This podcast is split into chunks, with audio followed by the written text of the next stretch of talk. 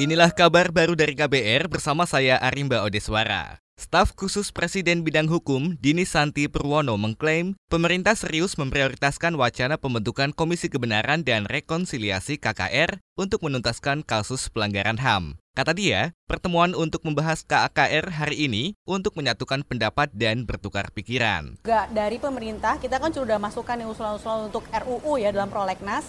Nah itu dalam usulan pemerintah itu sudah ada RUU KAKR merupakan salah satu uh, yang masuk dalam list prioritas gitu untuk untuk uh, prolegnas 2020 ya. Jadi itu merupakan apa namanya bisa dilihat sebagai komitmen dari Pak, Pak Jokowi untuk memberikan suatu realisasi daripada janji yang disampaikan oleh beliau kemarin gitu kan bukan hanya sekedar janji kampanye tapi ini kita akan bekerja semaksimal mungkin dan kalau bisa tadi kita juga baru bahas ini jangan sampai kita kerja nggak ada timeline gitu kan nanti peristiwanya jadi seperti dulu lagi. Staf khusus Presiden Bidang Hukum Dini Santi Purwono mengungkapkan pemerintah masih merumuskan berbagai aspek soal KKR ini. Hal tersebut untuk memudahkan pemetaan kasus-kasus yang akan diselesaikan melalui jalur KKR. Hari ini, Menko Polhukam Mahfud MD menemui sejumlah perwakilan mulai dari staf presiden, Dirjen HAM Kemenkumham, peneliti, ahli hukum hingga tokoh Alisha Wahid. Pertemuan itu untuk membahas wacana soal KKR guna menyelesaikan kasus pelanggaran HAM.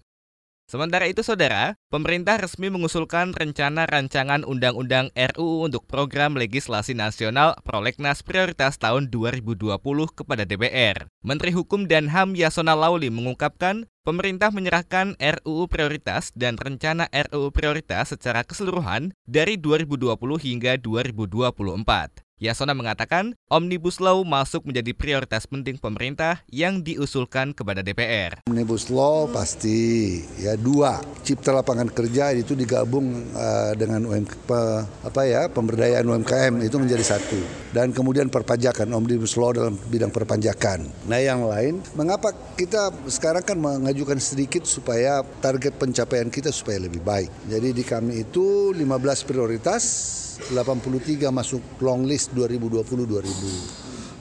Nanti panja yang memutuskan mana. Menurut Yasona, 15 rencana RUU yang dianggap penting sebagai prioritas pemerintah merupakan RUU pilihan yang perlu didahulukan. Yasona berkata, RUU KUHP pemasyarakatan maupun ibu kota baru menjadi beberapa RUU prioritas yang diajukan pemerintah untuk selanjutnya dibahas oleh DPR melalui panitia kerja.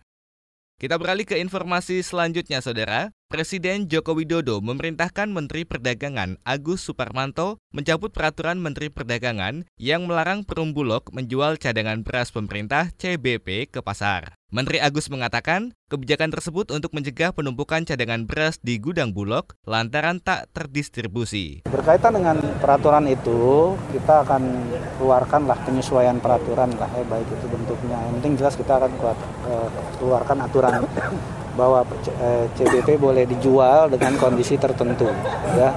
Tidak artinya seluruhnya bisa dijual, jadi sesuai dengan kebutuhan misalnya yang lebih nanti itu yang permohonan kan dari Bulog. Kondisi itu seperti Oh ya nanti ini kita bahas. Menteri Perdagangan Agus Suparmanto mengatakan, penggelontoran beras ke pasar berdasarkan usulan dari Perum Bulog. Mekanismenya, Bulog hanya akan mengajukan penjualan CBP jika merasa ada kelebihan stok. Namun, Kementerian Perdagangan tetap akan mengkaji usulan volume CBP yang ingin dijual Bulog tersebut.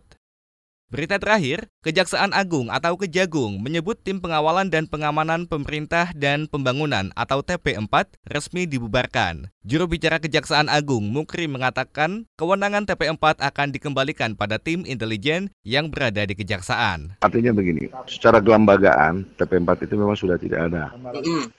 Ya, tapi substansi terkait dengan